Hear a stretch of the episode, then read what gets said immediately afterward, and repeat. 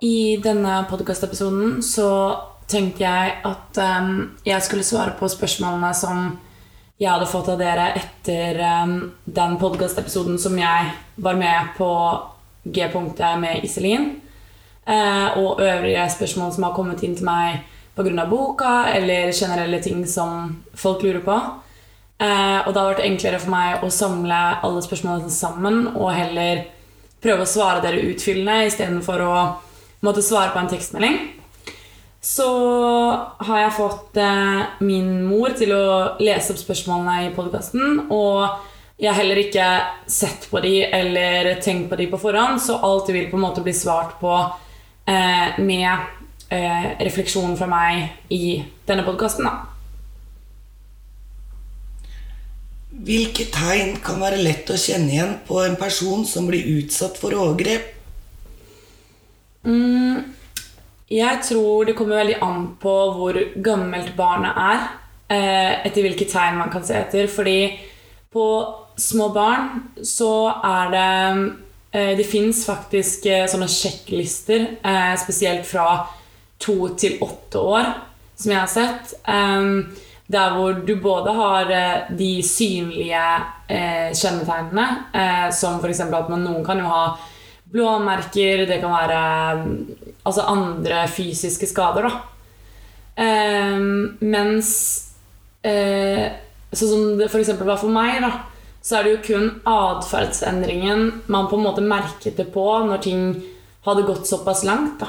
Eh, og jeg tror kanskje det er gjengangeren. At det er liksom Det er mye, mye sinne, mye hat. Eh, søker kanskje feil miljøer. At man ikke kjenner på en måte vedkommende like godt igjen. Da. Um, og så tror jeg også at det vil være enklere å se etter de kjennetegnene når man har um, på barn, da, fordi de, de, er så ærlige, og de, de, lever på en måte bare her og nå og tenker vel, i veldig liten grad da, over at det de forteller eller sier, at det er feil. Uh, men jeg kan også anbefale konkrete kjennetegn som man kan se etter. Det kan man finne både på eh, Jeg lurer på om Bufdir har, og at eh, Redd Barna har, men også Smiso har også eh, sånne tabeller da, der det står liksom, kjennetegn man kan se etter i de ulike aldersgruppene. og F.eks. som ansatte i barnehage kontra foreldre og lignende. da. Hva er ditt beste tips til å komme gjennom en tøff dag eller en tøff periode? Mm. Det må nok være først og fremst å finne ut hva eh, som gjør at du har det tøft. Eh, hvor på en måte kommer det fra, eller hva handler det om? Um, og for meg i hvert fall så har jo det hjulpet. Eller det kommer jo mindre av de tøffe periodene hvis ikke det er bare sånn brannslokking man skal drive med. da. Eh, men heller prøve å på en måte eh, minimere de dårlige periodene. Så tror jeg det er mye i det her å erkjenne og anerkjenne det, det som eventuelt har skjedd, eh, og hvorfor du hadde det tøft. Eh, og være snill mot seg selv og eh, tenke på at det er du som er viktig, da, og den personen må jo også bli tatt vare på i eh, de tøffe periodene. Da. Og når man gjør det, så tror jeg også det vil komme mindre av de tøffe periodene. Eh, og er det en dag da hvor du ikke orker å gjøre noen ting, du vil bare ligge på rommet, så, så gjør du det, og det er greit, liksom. Eh, og så får du heller på en måte prøve igjen neste dag, da. Eh, at man hele tiden liksom setter seg selv først, og det man eh, føler at man trenger og vil ha, da. Hva syns du er vanskeligst å takle med tanke på din historie? Mm, I dag eh, så syns jeg kanskje det vanskeligste er tillit eh, og relasjoner, men også eh, har man på en måte fortsatt eh, et hode da, som fort kan bli din verste fiende hvis ikke du tar tak i de tingene som dukker opp i hodet. på en måte Eh, og at det blir jo fort eh, mye tanker og et tankekjør. Mm, men det er kanskje det jeg syns er, er, vanskeligst. Eh, og at man eh, tenker jo altså Jeg kan, kan jo ta med seg at jeg har tenkt mange ganger sånn hvorfor eh, Eller hvordan hadde livet mitt sett ut hvis ikke dette hadde skjedd, på en måte. Eh, men det, det er liksom de tingene jeg føler jeg møter på, møter på i dag. Da. Eh, og så kan det jo være sår og ting ved meg selv som hele tiden altså, Det her er jo ikke sånn at det er, altså, det er jo ikke en ferdig prosess, på en måte. At man må jobbe med den hele tiden. Og av og til er det enkelt for meg også å tro at jeg er ferdig, men så er jeg på en måte ikke ferdig. da. Um, så man må jo bare ta de tingene som dukker opp gradvis. Og så kan det jo for meg også være andre ting, men i hovedsak da, ikke knytta til selve incest som kjerneproblemet, kanskje, men mer hvordan det utspiller seg i min hverdag. da. Er det noen utfordringer med tanke på historien din eh, å være mamma? eh, jeg syns eh, når jeg var gravid, så følte jeg liksom endelig at oi, nå har jeg på en måte tatt litt tilbake eh, kroppen min, og at den var på en måte min, og så plutselig var det et lite menneske som skulle være der og bo inni den kroppen. Eh, så det tror jeg jeg takla litt dårlig. At liksom den skulle bli brukt til noe annet enn meg igjen, da. Um, men det gikk egentlig veldig veldig fint. Jeg tror Der kommer det også an på hvilke team du har rundt deg. Altså da på, I mitt tilfelle da, på Haukeland sykehus, f.eks.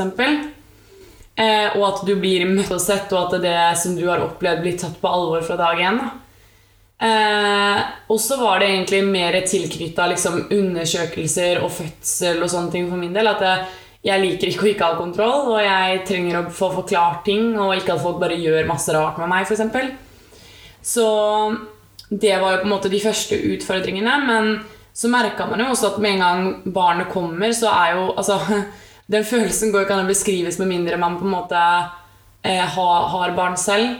Men det er jo alt. altså Du føler at du holder en eneste stor glassbit, liksom, og den må du på en måte passe på. da Så for min del var det litt sånn tungt å komme over den kneika at eh, jeg ville helst bytte bleie på henne selv. Jeg ville vite alt hva hun gjorde til enhver tid. altså For å vite at man passer på 100% hele tiden. At ikke noe kan skje. Men, og jeg tror ikke det direkte er, handler om overgrepene nødvendigvis heller. Eh, men at det blir en sånn eh, At du skal beskytte barna eh, mot farer. Eh, og så videre så er det jo på en måte Har det vært eh, i forhold til barnepass på f.eks. treningsstudio eller nå barnehage at man begynner å tenke på ting. Men det er jo fordi da ofte når jeg tenker på de tingene, så ser jeg jo meg selv. At det er ikke på en måte nødvendigvis min datter jeg ser, men jeg kan se meg selv og hvordan jeg hadde det, og på en måte tror at det samme skal gjelde henne. Um, så det, det, er jo utfordringer, men, eh, men, man må også bare ta de, ta de etter hvert. Og jeg tror også det er viktig å på en måte ikke se eh, seg selv igjennom barnet sitt. på en måte At det, er, det er to forskjellige to forskjellige ting. Da. Um, og at jeg må på en måte stole på at jeg klarer å gjøre det så godt jeg kan, og at uh, jeg mest sannsynlig med min historie uansett vil, vil kunne plukke opp sånne ting. Da. Og man kan jo ikke gå og nekte barnet sitt i å gjøre ting. Jeg kan jo ikke ikke ha han i barnehage og ikke jobbe, f.eks. Altså, no, noen ting må man også få til på et vis. Da. Eh, men det er jo ingen tanker som reelt plager meg sånn Altså, de kan gjøre meg vondt der og da, og så eh, må jeg rydde opp i det, og så, og så, går det greit, da. Hvordan er relasjonen til deg og din far nå? Um, relasjonen til meg og pappa er veldig, veldig bra uh, i dag. Um, og det har den egentlig vært siden han uh, gjorde det som han lovet meg. Eh, og så har det jo gått en vei derfra med at pappa også har på en måte hatt en ganske stor forandring. Han har blitt egentlig et helt annet menneske. Eh, og så følte jeg liksom spesielt kanskje etter rettssaken som var, at eh, da har på en måte pappa sine klemmer aldri vært så varme og aldri vært så gode. Og, så i dag så har vi et kjempe, kjempegodt forhold. Men jeg vil også si at det har vi jo på en måte alltid hatt. Altså Selv om jeg har hatt, eh, som jeg skriver om i boken og så videre, også at det er liksom eh, Det har jo vært piker, og det har vært topper og sånne ting, og jeg har jo vært sint og frustrert og lei meg og sånn, men pappa har jo alltid eh, Man kan alltid kunne snakke med han om de, altså de vanlige tingene, som på en måte har interessert meg, om det har vært eh, trening eller jobb. Eller, altså, det er jo en person som alltid har stått meg nære likevel. Eh, og det er nok også derfor det på en måte gjorde så vondt, og at jeg kom til det punktet en gang at eh, nå må du på en måte velge. Eh, men vi har jo alltid stått tett, og forholdet mellom oss har aldri vært bedre enn det det er nå. Hvordan er relasjonen til din far og overgriperen, og generelt stemningen i familien? Den relasjonen, den eh, trenger ikke jeg å på en måte vite noe om. Eh, og vi har vel på en måte gjort det ganske klart, i hvert fall sånn hjemme, da, at man eh, Navnet trenger ikke å nevnes, og eh, man trenger ikke å se han. Eh, og hva som på en måte skjer, skjer annerledes, det, det, ønsker jeg ikke å på en måte spekulere i eller eh, tenke over, eller for de, altså, de tankene gjør jo bare vondt. Og, eh, men det, det, gjør meg på en måte heller ingenting, så lenge jeg ikke er nødt til å på en måte måtte se han. da. Eh, så om de snakker sammen eller ikke snakker sammen, eller det tenker jeg at det eh, Det får være dems greie, da. Eh, men det gjør i hvert fall ingenting for meg, egentlig. Det er ikke noe som på en måte plager meg lenger. Det er det ikke. Hvordan kan man øve seg på nærhet og trygghet i nærhet etter overgrep, incest? Mm. Jeg tror først og fremst du må ha den nærheten og intimiteten kanskje til deg selv eh, før du begynner å skal ha nærhet av andre. Og det er kanskje fordi at eh, du, du, må på en måte jobbe med deg selv for at det skal på en måte bli trygt for deg. Og jeg tror også det er viktig å eh, ha grenser. At hvis det er noe som du kjenner eh, at ikke er godt, da, eller som ikke burde gjøres, eller at du ikke har lyst til det, så gjør man det ikke. Det er ikke vits i å på en måte stå eh, og hoppe over den streken unødvendig. For hver gang man gjør sånne ting, så skyver man også streken litt og litt og litt forover. da. Um, så, og det er ikke sånn f.eks. For i forhold da, at eh, man skal føle seg tvunget av den ene eller den andre personen til å gjøre ting man ikke vil. Eh, da tenker jeg at den relasjonen burde på en måte ikke eksistere. Eh, og det er nok også det, te, altså det punktet da, som det kanskje er mest sårbart å snakke om. At liksom for eksempel at Nei, jeg, jeg, vil faktisk ikke ha sex i dag. Jeg vil bare at du skal holde rundt meg. Eller at det gjør jo også vondt å på en måte si disse tingene, men hvis man begynner med seg selv først For det er jo hos en sjøl problemet ligger, egentlig. Um, og man er med noen man stoler på, så tror jeg på en måte det andre kommer eh, lettere da, av seg selv. Um, og at du også hele tiden klarer å tenke på deg, deg, deg først, og det er faktisk deg som er viktig. Um, og ikke drive med den der gummistrikken da, og strekke og strekke og strekke, og så til slutt så er det ingen, ingen grenser, da. Blir det noen synlige skader hvis barn blir voldtatt, blødninger etc.? Det kan det være. Eh, på barn så er jo det mer vanlig enn hvis det er på voksne. Eh, men samtidig så er jo en blødning fra kjeden altså Hvis ting skjer på f.eks. natten, da, så er det jo ikke noe som du vil merke på en måte på dagen. Eh, og eh, Så det er jo på en måte Det er jo ikke en langvar, langvarig greie. Eh, men det kan, det kan, jo skje, men det kan også ikke skje. Eh, men rifter og sånne ting er jo, er jo, ganske vanlig, spesielt hvis det er snakk om barn-voksen. Eh, og det er jo fordi ting rett og slett ikke passer. Det er jo ikke ment for at det skal være sånn. Eh, så det er jo absolutt et av tegnene man kan se etter. Hva, hva er tegnene man bør se etter, enten som foreldre eller venn eller andre familiemedlemmer? Eh, jeg tenker faktisk fordi Men da kan jeg bare snakke ut ifra meg selv. Men jeg tror ikke noen kunne sett etter noen andre tegn på meg egentlig enn det som ble sett etter. Og det var jo på en måte når jeg fikk en atferdsforandring. Så hvis det er ganske dramatiske atferdsforandringer, altså der hvor du på en måte som jeg litt sa i sted, at du ikke kjenner på en måte personen igjen eh, Det er mye sinne, det er mye ønsker å være for seg selv eh, osv., så, videre, så så er jo det absolutt tegn man på en måte kan se etter. Eh, mens hos mindre barn, typ barneskole og sånn, så har man jo også at det, de som har vært utsatt for seksuelle overgrep, har jo ofte en mer seksualiserende atferd. Eh, og det kan jo enten være noe så smått som eh, at man kysser på kroppsdeler, eller tar på andre, eller snakker om eh, masse om sex, da, eller har tidlig, tidlig debutert sex, sant. Eh, masse kjærester, eldre kjærester. Um, det er på en måte kanskje de tingene jeg, jeg ville sett etter. Og akkurat på gutter så går jeg ut ifra at det eh, også vil være det samme hos de, eh, bare motsatt. Eh, og når de er barn, så tror jeg det ofte det er mer fysiske ting. Og at eh, de også spør man barn rett ut om ting. Eh, så er det ikke sånn at barnet tenker egentlig over hva de blir spurt om. Eh, hvis man spør er det sånn at eh, f.eks. er pappaen din Eh, har gjort noe mot deg, eller gjør, gjør noe mot deg eh, Hvis ba, det barnet ikke har opplevd incestovergrep av far, da, eh, så kommer de bare til å si nei og løpe og leke videre, og de tenker ikke på at de har blitt spurt om det engang.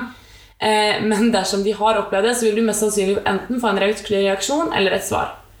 Så jeg tenker at det å spørre en gang for mye, en gang for lite, det vil alltid på en måte være det safecardet man har, da, fordi eh, man ser jo på mange at det er atferd som kan peke mot seksuelle overgrep, da, men at det er eh, og tegn, for den saks skyld. Eh, men at det blir, det blir, ikke gjort handling ut av det. Da, fordi man ja men, det, det, er jo ikke sikkert. Eh, ja, men foreldrene hans er jo sånn og sånn og sånn. Eller foreldrene hennes er sånn og sånn og sånn. Eh, at vi på en måte eh, sørger for egen behagelighet og egen trygghet. Så jeg tror ikke man skal stole for mye på sånne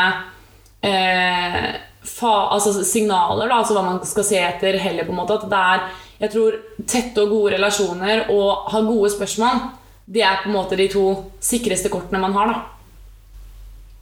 Som helsepersonell, hvordan få barn til å åpne opp når de benekter at overgrep har skjedd? Mm, jeg har jo igjen veldig stor tro på tillit og, og gode relasjoner. Eh, og det er fordi at eh, når barn føler seg utrygge, eller det gjelder oss voksne òg, så vil ikke hele den sannheten komme frem. Eh, og med gode og tette og nære relasjoner, at barnet føler seg sett, barnet føler seg elsket, da, så vil ting gradvis komme frem. Det, vil, det, vil, altså det er en naturlig del av oss, da. Um, så jeg tror det er der det er litt synd, fordi helsepersonell har for lite tid. altså Nå vet jeg ikke hvordan helsepersonell eh, denne personen er, men eh, generelt så tror jeg at man har for lite tid per barn, eller per pasient, eller per bruker, eller altså, hva man enn skal kalle det. Man har, man har for lite tid. da. Eh, og det er for mye gjøremål i løpet av dagen som gjør at man kanskje blir Altså, de viktige tingene blir ikke prioritert. da. Eh, og det er derfor jeg også håper i fremtiden da, at folk som jobber med barn og unge, har mer fokus på det relasjonelle og mellommenneskelige, kanskje, og ikke alle disse rutinegjøremålene sine. For det er ikke sånn at det, man passer inn i en verktøykasse, eh, og sånn er alle barn, og sånn skal de behandles, og ferdig med det. på en måte, Så alle er ulike. da. Så ting må være tilpassa hver enkelt. på en måte. Det er ikke sånn at det er en Hadde det vært en quick fix, da, så hadde ikke dette her vært noe problem. på en måte, sant? Eh, så ja. Hva kan skole, barnehage og den kommunale barnevernstjenesten gjøre for å forebygge? Eh, jeg tror det er viktig at uh, hvis man jobber innenfor noen av disse sektorene, at man krever mer kunnskap på området. At det er på en måte kun dere som jobber der, som kan være med på å revolusjonere hvordan det skal bli. Eh, og hvis dere ønsker f.eks. For foredrag av meg eller andre som har f.eks. incest eh, på agendaen, da, eh, at vi blir tatt inn, vi kan fortelle ting, vi kan hjelpe å gjøre arbeidet bra, og at man tar med seg det videre i jobben sin. Og tenker altså andre har pos positive ting da de kan bidra med for at arbeidet deres skal bli enklere eller lettere. Det er én ting. Og det andre er kursing Eh, at jeg tror det også er veldig viktig. At det, man må ha voksne som er trygge på temaet for at det skal kunne klare å eh, bli, bli, tatt i bruk da, eller bli gjort noe med. Eh, og så tror jeg det samme gjelder der som for andre helsepersonell. At eh, det må bygges, bygges relasjoner, da, og det må, må, være hvert enkelt barn og ikke de barna der. Eller altså at man putter alle under samme kam. Um, og jeg tror også det er viktig å snakke med barna, være til stede, være der barna er. Eh, for med en gang du blir en del av dem, så får man litt større tillit, og det er enklere å snakke med dem, enklere at de åpner opp osv. osv. Skal man fortelle sine egne barn om din og egen opplevelse? Og når er det rette tidspunktet? Jeg kan si så mye som at det rette tidspunktet, det kommer aldri. Eh, og det kommer ikke uansett eh, eh, hva, hva, det måtte være. Men ja, jeg syns man skal fortelle barn om disse tingene. Fordi de trenger denne kunnskapen. Eh, og det er derfor jeg jobber på en måte så sterkt for at skoler må ta dette på alvor. For det, er, det er en, for det første er det en kunnskap som Eh, kan hjelpe dem i mange situasjoner. Eh, det er jo mange som har kommet med tilbakemeldinger til meg som ikke har opplevd incest, men som kjenner seg igjen i veldig mye av følelsesaspekter da, eh, ved å ha opplevd andre ting. Og for eksempel, altså det er jo bare for å vise en parallell, men PTSD for eksempel, det er jo en diagnose man kan få av mange forskjellige traumer. Det er jo ikke bare incest. Så min, min vei er jo bare én dør. Eh, men jeg tror også at barna trenger denne kunnskapen både for seg selv, men også for å se hvordan verden kan være, og se vennene sine. At de kan være trygge personer å komme til hvis naboen eller bestevennen eller altså at det har skjedd noe. da.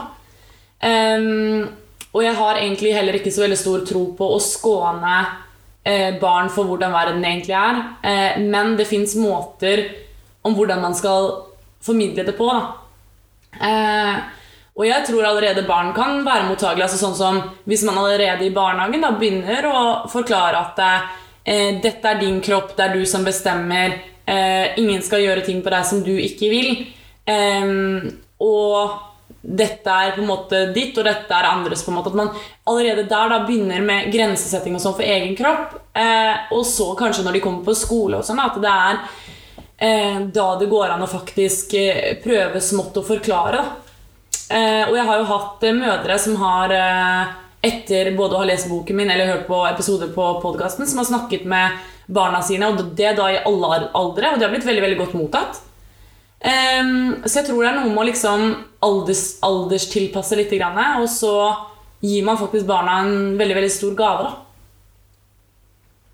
Hvordan klarte du å bearbeide det som har skjedd, og snakke fritt om det i dag uten å merke det på hele kroppen? kvalme, sinne, vemmelse, panikk, traumer osv. Mm, det er jo en prosess, eh, så det er på en måte ikke noe som jeg føler Altså, jeg har på en måte ikke klart alt helt ennå. Eh, men jeg har jo på en måte gått i behandling og gått i terapi. Eh, og så har jeg jo også hatt en mor da, som har vært helt unik i, i min, min prosess. Og som også bare blir bedre og bedre, egentlig, og har, har fine ting å komme med hver dag. Eh, og det er jo noe som hjelper meg i min prosess videre. Og det samme har det gjort å skrive bok, eh, snakke om min historie, belyse tema. Bare, altså, hver gang jeg gjør disse tingene, så bearbeider jeg jo litt og litt og litt nye ting. da Eh, men å snakke fritt om det, det tror jeg er en terskel som Før greide jeg jo ikke å si noe om det i det hele tatt. Jeg måtte begynne å skrive dagbøker, liksom. Til at jeg turte å flytte det over på en datamaskin. Og til at jeg på en måte klarte å snakke overfladisk om det, og ikke liksom på detaljnivå, da. Um, og nå er det på en måte Nå kan jeg snakke helt, helt fritt om det. Um, og det er jo en prosess som man må, man må utfordre seg selv litt og ta det når du er klar.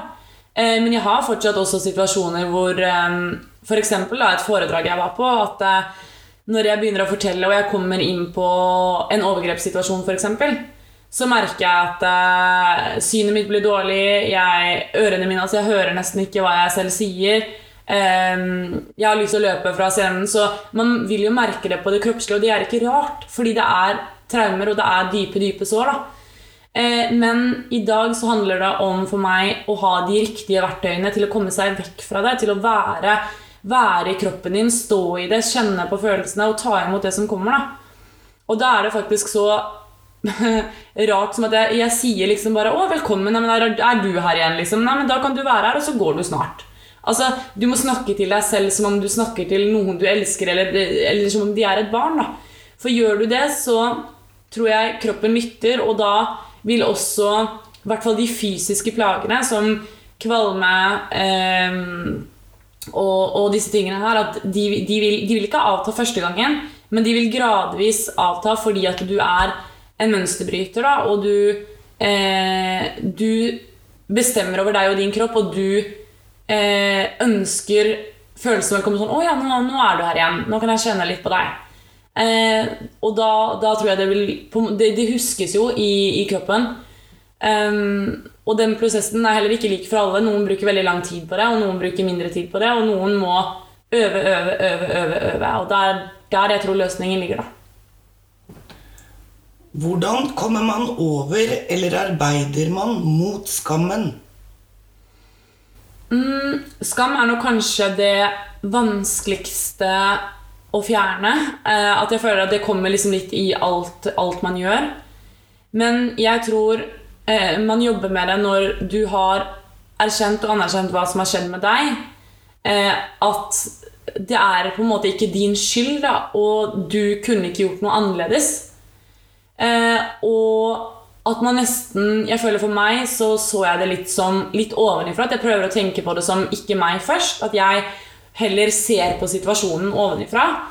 Um, og da ser man jo mye tydeligere hva som egentlig er realiteten, og hva som ikke er det. da.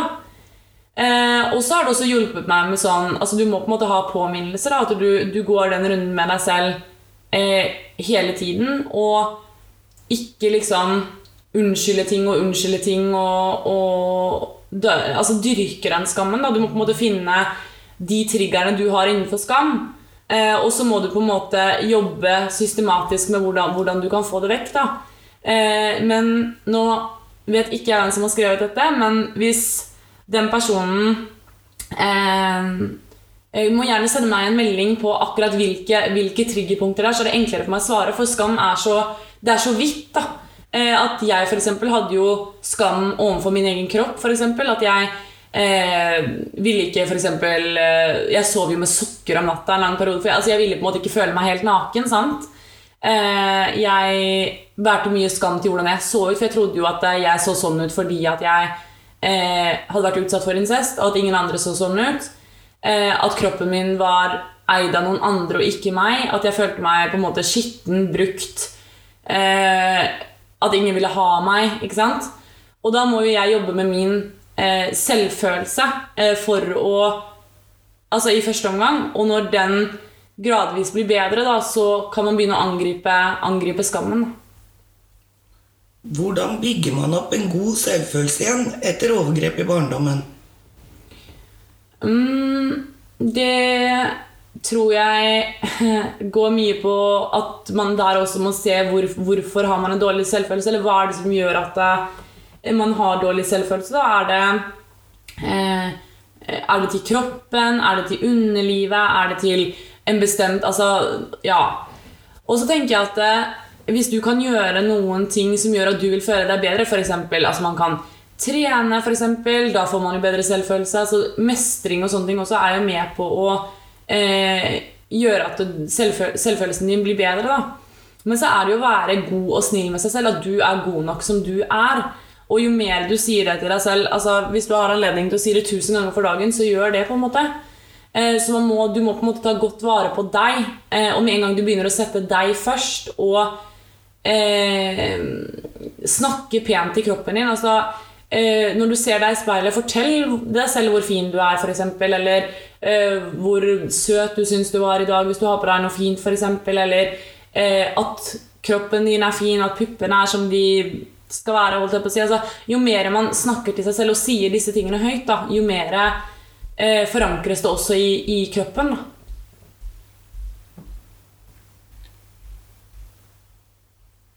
Har du tips til hvordan jeg kan hjelpe en venninne med å bearbeide incestovergrep? Eh, akkurat denne svarte jeg faktisk, eh, faktisk, på på melding, men jeg kan ta den også, også her. Eh, jeg tror det viktigste når man, har, når man er pårørende eh, for incest, det er at man er der. Altså du, du, er der, og du ser den som har blitt utsatt. Og spør hva hun trenger. Hva trenger hun av deg, og hvor er hun i sin prosess? Altså, Hva er hun klar til å dele? Hva, hva er hun klar til å på en måte snakke om? Eh, og når hun er klar for disse tingene, så må man, man må være der. da. Eh, og ikke overse det én gang eller to ganger, det, da vil aldri den sjansen mest sannsynlig komme igjen. da. Um, og jeg tror også eh, det er viktig å ikke på en måte pushe på det ene eller det andre. At man, man lar det gå i den utsatte sitt tempo. Bare være rett og slett kjærlig og god og trygg. da. Eh, og vise at man er der, og at eh, dette er noe, altså en krise som har skjedd, og dette skal man på en måte klare sammen. da. Eh, og så går det jo også an å være behjelpelig hvis man, den andre ønsker hjelp. Og liksom kanskje finne gode behandlere eller gode eh, teknikker, eller om det er filmer eller sanger eller hva nå enn som måtte hjelpe. da. Det er også noen som for har anbefalt da, min bok eller podkast og lignende til folk de kjenner. Og bare det at de ikke føler seg alene, det tror jeg er så utrolig, utrolig viktig. da.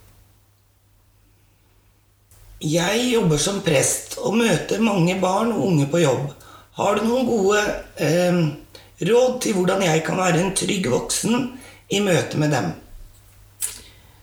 Eh, der tenker jeg også, som på en måte jeg sa til både helsepersonell og eh, andre omsorgsyrker, at eh, for å være en god og trygg voksen, så må man bygge sterke og tette og gode, gode relasjoner.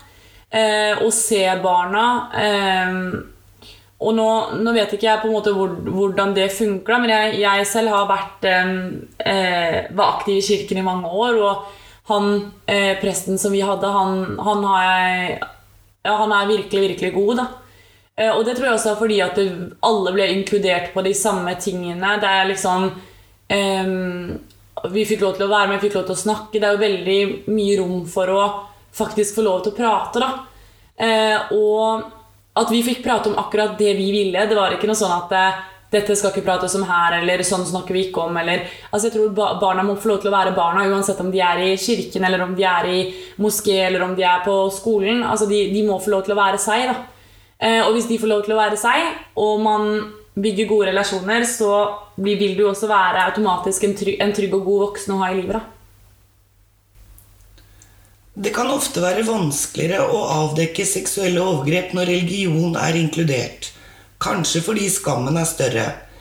Jeg har hatt konfirmantundervisning med tema grensesetting og sex. Men det er veldig sent å komme først når de, er, når de er 14 år, og mange har allerede erfaringer. Har du noen tanker du vil dele?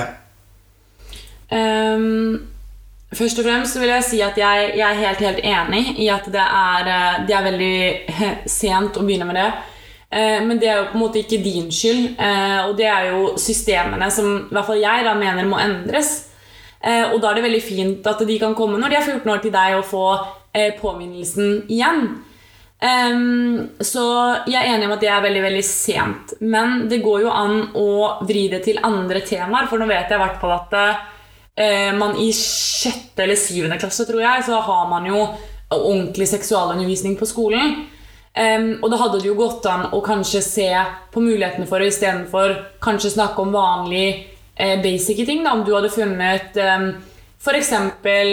Eh, incest, altså ti andre ting å, å, fylle på med, da, for da er det ikke um, på en måte gammelt nytt, og det er også noe de kan ha nytte av. Da. Um, og jeg tror også du vil ha rett i at det er vanskeligere å avdekke eh, seksuelle overgrep eh, når religion er eh, involvert. Um, og jeg tror ikke noe, altså Skam også, det, den, den, er nok ikke verre, for det oppleves jo subjektivt, sant? Um, men eh, jeg vil tro at eh, så, så, den skal man ta på alvor uansett hvor den måtte, måtte skje. Men jeg tror også i religiøse miljøer da, at det er viktig å eh, ha fokus på akkurat disse tingene her. For det er eh, Hvis man er på en måte store familier, det er eh, mange bor oppå hverandre, det er eh, mye sånn, så er det Antar jeg da, at det kan være lettere for at sånne ting kan skje. og jeg tror også denne kunnskapen er veldig viktig for de å ha. og når de får den, da, enten gjennom skole eller gjennom eh, når du er prest, At eh, jo flere ganger de vil høre dette, jo lettere vil det også være å komme inn i de lukka, lukka miljøene og lukka gruppene. At de også tør, tør i større grad å åpne opp. Um, og så går jeg også ut ifra at uh, du har på en måte kanskje ikke bare eh, konfirmantundervisning, men det er kanskje ungdommer og barn da, som er i kirken eller menighet eller uh, fra, fra, de er små. Og da, da, jo, da, er det jo ikke bare ett kull, så er de borte. på en måte. Da har man jo et større grunnlag for å jobbe med barna, jobbe med de viktige tingene. Da, og det å være en god og trygg plass, da tror jeg også mye kan komme frem. da. Og jeg tror også for deres del at det kanskje er viktig også med eh, å søke kunnskapen. At man vil ha kunnskapen. For det er liksom eh, Tenker man kanskje eh, Nå vet jeg ikke om jeg er litt forutinntatt, men det er jo veldig ofte tabu å liksom snakke om sex og abort og incest og voldtekt og i, i religiøse sammenhenger. da. Eh, at man er redd for at liksom eh, Hvis man har hatt sex for ekteskap, f.eks. At man er skitten, ødelagt At det, på grunn av sånne ting da, så vil det også kanskje være vanskeligere å, eh, å få de til å åpne opp. Da, for dette er noe som på en måte er innprinta hos de. Da. Um, og Derfor tror jeg det er viktigere å, å jobbe med den åpenheten. Da, at den, den, skal være lov, og man skal få lov til å være seg, da, selv om man tror på hva nå enn man måtte tro på. Hvordan mener du det er riktig å gå frem som helsepersonell? Uh, det spørs jo litt hvordan helsepersonell. Uh, men jeg mener at helsepersonell må bli trygge på temaet. De må tørre å høre om hvor jævlig livet faktisk kan være. Altså de, de jobber med barn og unge, og de har et så enormt, enormt stort ansvar. Og Eh, dessverre da, så føler jeg at det er veldig mange som er eh, ikke gode i jobben sin. Eh, de på en måte ser ikke barna. Det bærer preg at man har en jobb for å ha en jobb og på en måte betale regningene sine. Da. Og det, fun det funker sikkert i noen yrker, liksom, men man kan ikke ha den holdningen når man jobber med mennesker. Da. Eh, og man kan heller ikke eh, være avskrudd da, når man er på jobb. Altså, det er mennesker som er involvert.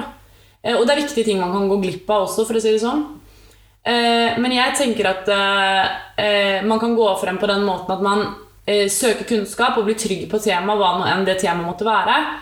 Og at man også kan søke hjelp. Altså sånn fra andre kanskje instanser eller noen som kan noe mer enn seg selv.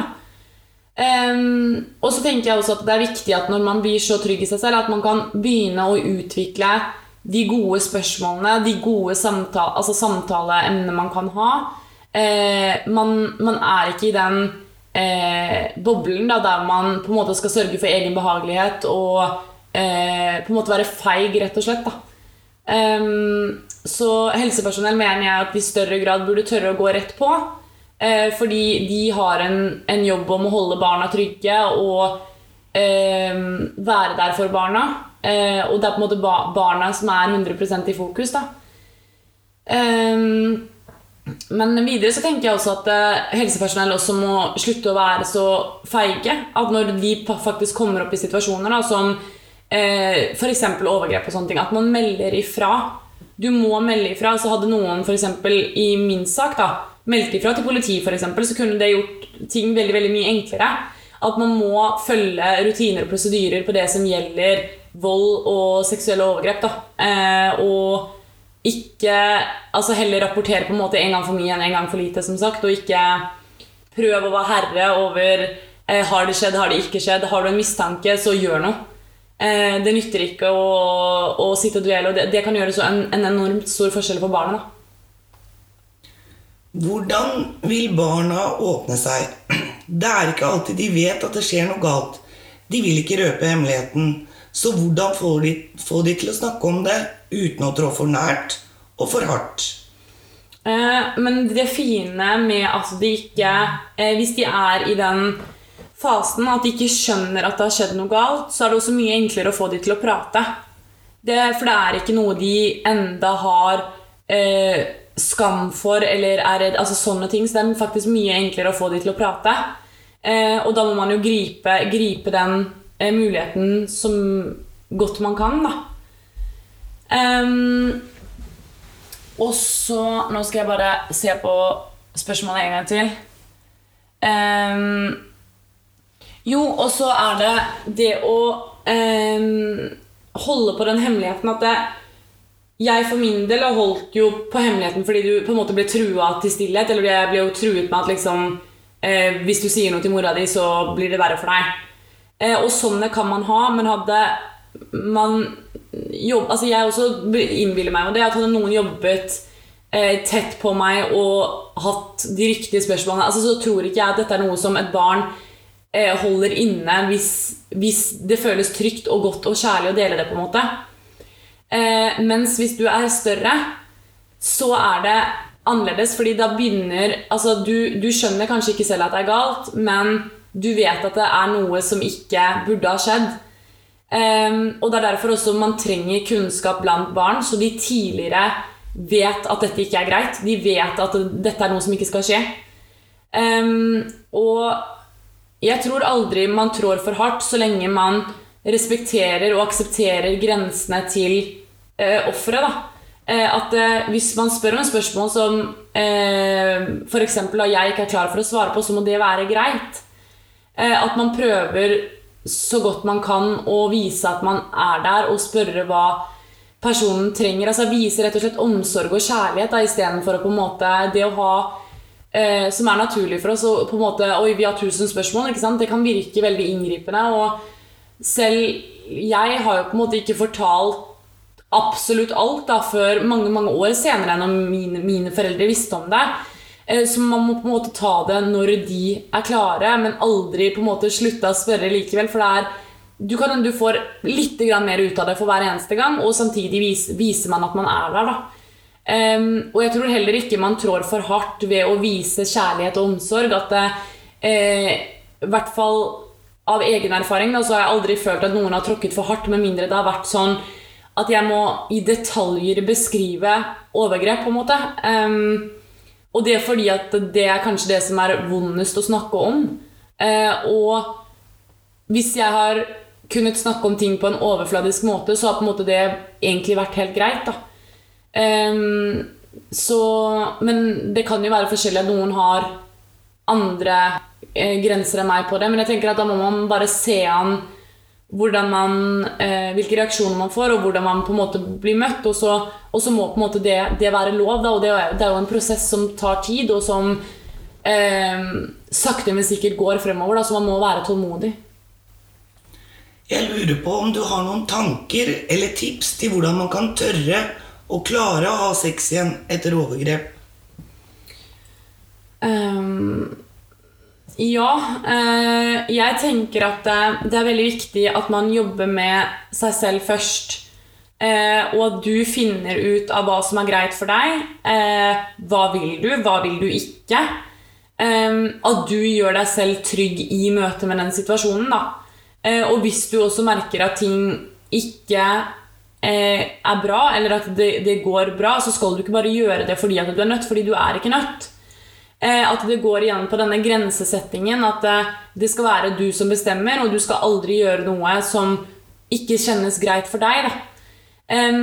Og det også går litt på den at du må, du må på en måte holde, holde deg selv litt i, i, i, armene på en måte og, og, vise omsorg og kjærlighet. Og så eh, må på en måte relasjonene føles trygge, tror jeg, da, for å kunne klare å gjøre det Altså eh, på best mulig måte for deg selv. Eh, så jeg tror det blir litt det samme svaret der som det jeg svarte på angående nærhet og intimitet i, i stad. Eh, og man trenger ikke nødvendigvis Altså, du, du, må heller Du må jo ikke ha sex hvis ikke du har lyst til å ha sex, på en måte.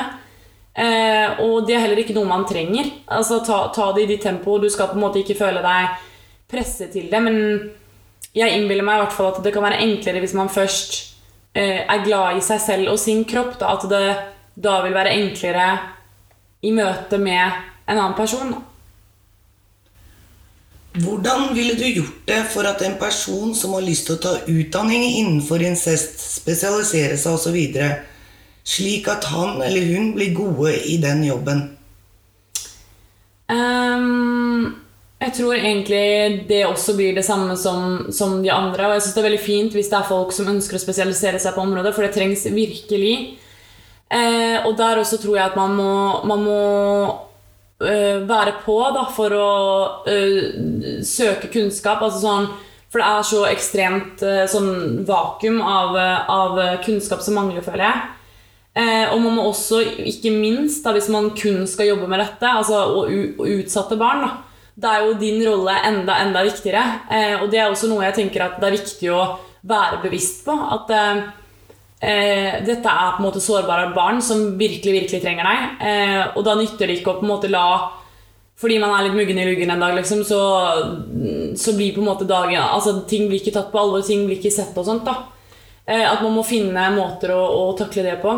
Men jeg tror også der det er ekstremt, ekstremt viktig å være trygg. Altså, er man trygg på temaet, trygg på det man gjør, man, man tør å vise handling. og ikke minst det der at de skal ikke føle seg alene, og de skal heller på en måte De skal også eh, føle seg normale i en unormal situasjon. Man kan ikke på en måte behandle de som om de er et problem. Det er det verste, verste jeg selv følte at jeg var borti. Med en gang jeg følte at folk behandlet meg som problemet, så stengte jeg jo av alt. Så jeg tror på en måte eh, At de tingene blir veldig viktig kombinert med det jeg har sagt tidligere. da. Angrer du noen gang på at du gikk ut med det til familien utenom moren og faren din, som fant ut av det selv? Nei, jeg angrer ikke på det. Um, og det er fordi at uh, dette har skjedd meg, og det må på en måte jeg få lov til å si. Uh, og jeg skal ikke skamme meg for det eller la noen andre bestemme hva som er greit at jeg skal si og ikke si. Uh, så altså, jeg angrer ikke et sekund verken på at jeg har delt det med familie eller venner eller hele offentligheten for den saks skyld. Altså, jeg angrer overhodet ikke på noen av de tingene. Har du hatt erfaring med at familiemedlemmer ikke vil ha noe med deg å gjøre etter at du har fortalt det? Mm, ja. Eh, altså Noen har jo på en måte blitt automatisk ikke-eksisterende. Eh, og andre er sånn De trenger ikke å på en måte si det eller gjøre det, men jeg skjønner kanskje at de ikke er eh, rimelig imponert. da. Um, så absolutt. Men allikevel så tenker jeg at det, det får være dems. da. Eh, det er ikke mitt. Og det er nok eh, på en måte eh, Fordi de har også en hel haug med ubearbeida ting, da. Så, så blir det, da blir det utfallet sånn, på en måte. Hva godt kommer, eh, kan det komme ut av å fortelle det, annet enn å slippe å holde på hemmeligheten? Eh, det kan komme kjempemasse godt ut av det. Eh, det hele livet, faktisk. Eh, for det er på en måte ikke bare en hemmelighet du bærer, det er på en måte livet ditt. Og det, det må Jeg tror det må sies for å slippes, da. og for meg, da, så har jo faktisk det Altså, det livet jeg lever nå, er jo på en måte resultatet av den prosessen som jeg har gjort, da. så jeg føler at det, alt godt kommer jo, kommer jo med det. Og det gjør at du får For det første får man forståelse. Man blir møtt på en annen måte. Eh, har du det vanskelig, så er det på en måte alltid noen der du kan si ting til uten at du må sitte i seks-sju timer for å forklare hele bakteppet for deg. Um, det er Jeg føler meg jo eh, mer som meg selv. At det er, det er ikke lenger masse hemmeligheter å late som og eh, tull og tøys, liksom. At det er på en måte Sånn, sånn er ting, da, og sånn, sånn er de. Så jeg tror på en måte at eh, ja, man, alt frigjøres, da, og livet blir enklere, og livet får plutselig på en måte farger igjen. Da, at det er, det er, en så ekstremt viktig ting ved det å faktisk tør, tørre å fortelle. Da. Som barn ble jeg i tre ulike situasjoner seksuelt utnyttet av de to storebrødrene mine. Jeg har selv en liten gutt på to år, og jeg begynner å bli kjempenervøs for å snart måtte sende han i barnehage. Gutten min har aldri vært noe sted uten meg, så fram til nå har det gått helt greit. Men jeg sliter veldig med å gi slipp på kontrollen og legge skjebnen hans i noen andres hender. Hvordan kan jeg komme meg gjennom tiden fremover? Eh, denne her så svarte jeg faktisk på, på Instagram. Men jeg tror det er viktig i det, sånne tilfeller at du må jobbe med deg og din historie. At du må eh, kunne jobbe med det som har skjedd deg, og det, den, de episodene som du har hatt. da. Eh, for det er jo klart at det åpenbart er med på å, å, å Altså at du får triggere som, som ikke er godt for deg. Da. Og jeg tenker at du, du skal jo ikke gjøre noe som du føler ubehagelig, eller som du ikke ønsker selv. Um, men jeg tror hvis du jobber med deg og din historie, så vil det også bli enklere å slippe opp denne kontrollen og eh, på en måte se at eh, livet er på en måte skrudd sammen sånn at man må Og det er jo ikke livet hans du legger i noen andres, andres hender. på en måte altså de, Man må tenke at eh, det fins gode mennesker òg, eh, og det er det som er vanskelig. Det er vanskelig å ha tilliten. og jo mer du jobber med din egen historie, da, jo mer tror jeg det du beskriver, også vil slippe opp. Um, og du kan jo også på en måte finne måter å gjøre det mer behagelig for deg selv. Altså, kanskje ha en korte dager i barnehagen hvis du har muligheten til det. Eh, si, fortell barnehagen det, kanskje. Kanskje det kan hjelpe. Fortell hva du har vært utsatt for. At du kun ønsker at f.eks. damer da, skal bytte på han. Eller at du gjerne vil bli fortalt sånn og sånn og sånn når du kommer, f.eks. Altså, gjør deg selv trygg i situasjonen, for jeg tror det er så utrolig viktig. For da beviser man også for seg selv at dette er ikke farlig. Dette, dette klarer jeg. Det, det, dette går faktisk kjempebra. Um, og så gjør du heller ikke altså Finn de grensene du har, og jeg tror beste måten å gjøre det på er jo faktisk å ha en dialog med barnehagen. Um, på akkurat disse tingene. Jeg tror også De også syns mest sannsynlig det er kjempefint at man er åpen og ærlig og sier, sier ting på den måten. Eh, og så må du også tenke hva, hva, hva, du er mest redd for. Er det, for du bruker jo skjeb, legger skjebnen i andres hender. Um, og det tenker jeg jo at er veldig veldig viktig. At man kan ikke sitte, altså Barna må møte verden, og barna skal møte verden. Og hvis de gjør det, så blir de jo også eh, ofte um, rusta til å møte den. sant? Altså Hvis man hele tiden skal holde på å beskytte, altså sy litt gullputter under armene altså Tenk deg den dagen han plutselig, plutselig må stå på egne ben. At det, det er jo men, alle disse tingene er jo meningen for å gjøre, gjøre de klar for verden, og for at han skal bli eh, en trygg og, og, sikker gutt da, som kan møte verden, på en måte. Så i mellomtiden tror jeg det er viktig at du da jobber med deg selv og din historie, og finner måter som eh, du kan gjøre at barnehagen blir en trygg ting for deg. da. Um, og at det på en måte egentlig er det beste, beste rådet jeg kan gi. Hvordan klare å komme videre uten å få en unnskyldning, men at man blir sittende med all skyld? Um, jeg tror at uh, For meg, da, så har det i hvert fall vært sånn at uh, det at han ikke vil be meg om en unnskyldning for det han har gjort, uh, det er på en måte ikke mitt. I starten så tok jeg mye av det over på meg selv.